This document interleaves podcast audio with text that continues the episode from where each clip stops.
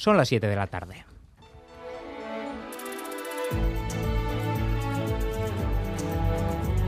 En Radio Euskadi, Gambara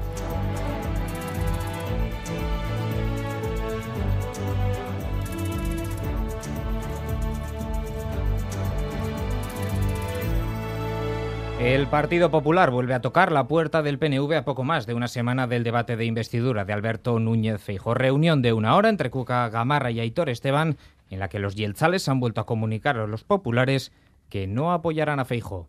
Simplemente nosotros ya manifestamos cuál era nuestra, eh, nuestra posición y nuestra negativa a, eh, llevar adelante esa, esa, investidura. La verdad es que también ha habido algunas circunstancias que tampoco animan mucho a esa investidura, ¿no? como esa eh, convocatoria para manifestarse en contra de una posible normativa de amnistía o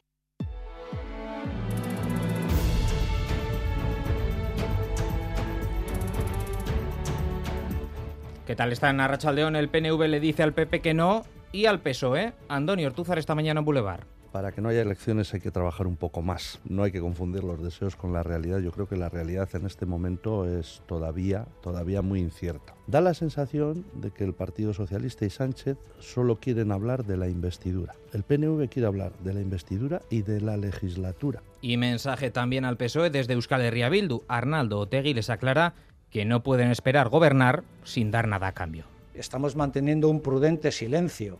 ¿Por qué? Porque nos parece que hay que hacer como una obra de orfebrería si queremos construir un bloque que dé continuidad a un gobierno que, evidentemente, también tiene la pelota sobre su tejado. Es decir, que alguien aspire a gobernar sin dar nada a cambio, pues tampoco es muy razonable.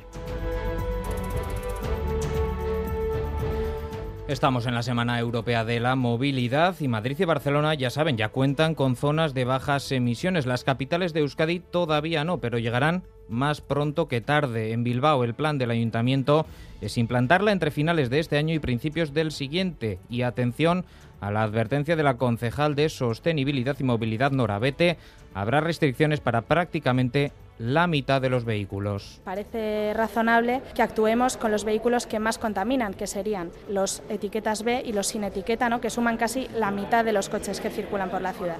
Y en Astigarraga, cerca del fuerte de Chorito Quieta, se ha hallado este mediodía el cuerpo de un joven de 32 años en un lugar de difícil acceso. ¿Qué más sabemos, Ana Urquiola, Arrachaldeón? Arrachaldeón, según informan los bomberos de Donostia, el hallazgo ocurría alrededor de las 11 de la mañana cuando una persona ha alertado al servicio de emergencias y se han movilizado una ambulancia, un helicóptero de la Arzainza y varias dotaciones de los bomberos. Finalmente han sido los bomberos los que han realizado el rescate debido al difícil acceso.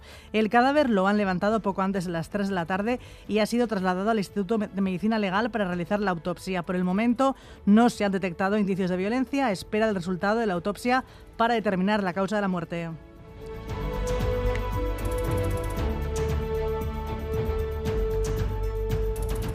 Y en los deportes, Edu García, Rachaldeón. ¿Qué tal, Rachaldeón? La nueva seleccionadora femenina española, Monse Tomé, ha dado a conocer esta tarde su primera lista de convocadas. 23 jugadoras, entre ellas hay 15 de las firmantes de la nota la pasada semana en la que renunciaban a ser convocadas por la selección si no se producían cambios en el seno de la federación, cambios más allá de la salida de Jorge Villa, cambios estructurales. 15 de esas 23, eh, entre ellas están Ollán Hernández, también Irene Paredes y regresan, por ejemplo, Lucía García o Mayor Sarriegui, firmantes en su día de la nota en contra de, Jorge Vilda. Monse Tomé, presentada hoy además como seleccionadora española, no ha terminado de aclarar si ha habido contactos con esas futbolistas y si mañana se van a presentar, como tienen que hacer en las Rozas, para eh, comenzar los entrenamientos previos al estreno este próximo viernes en la Liga de las Naciones UEFA. Será en Göteborg ante Suecia.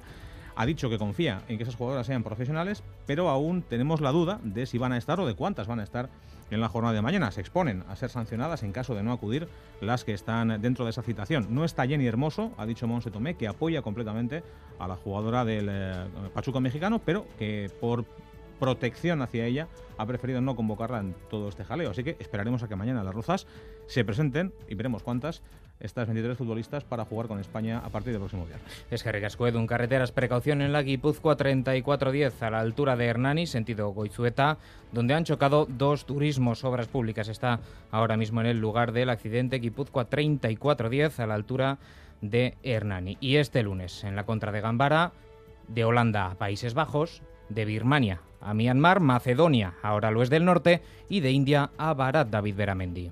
De la misma manera que Holanda ya no es Holanda, sino Países Bajos, India dejará de llamarse India, se llamará Bharat, una denominación que no es nueva, más bien todo lo contrario, es como los indios llaman a su país en su propio idioma, el hindi. El que habla es el primer ministro indio, se llama Narendra Modi, es nacionalista y como escuchan, él utiliza el término Bharat. Lo hizo, por ejemplo, en la pasada cumbre del G20. De hecho, en la actualidad, los dos nombres, tanto India como Bharat, son nombres oficiales en ese país. Entonces, ¿por qué esa decisión de eliminar el nombre de India? Pues es un intento, dicen, de desligarse de su pasado colonial.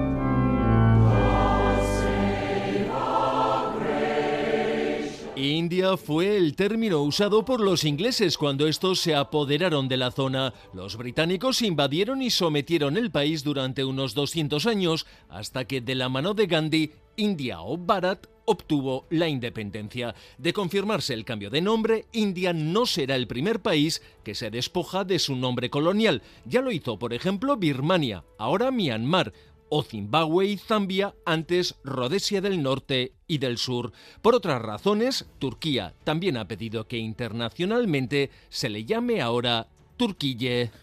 Con Xavier López y Alberto Zubeldía en la dirección técnica y Cristina Vázquez en la producción, comenzamos.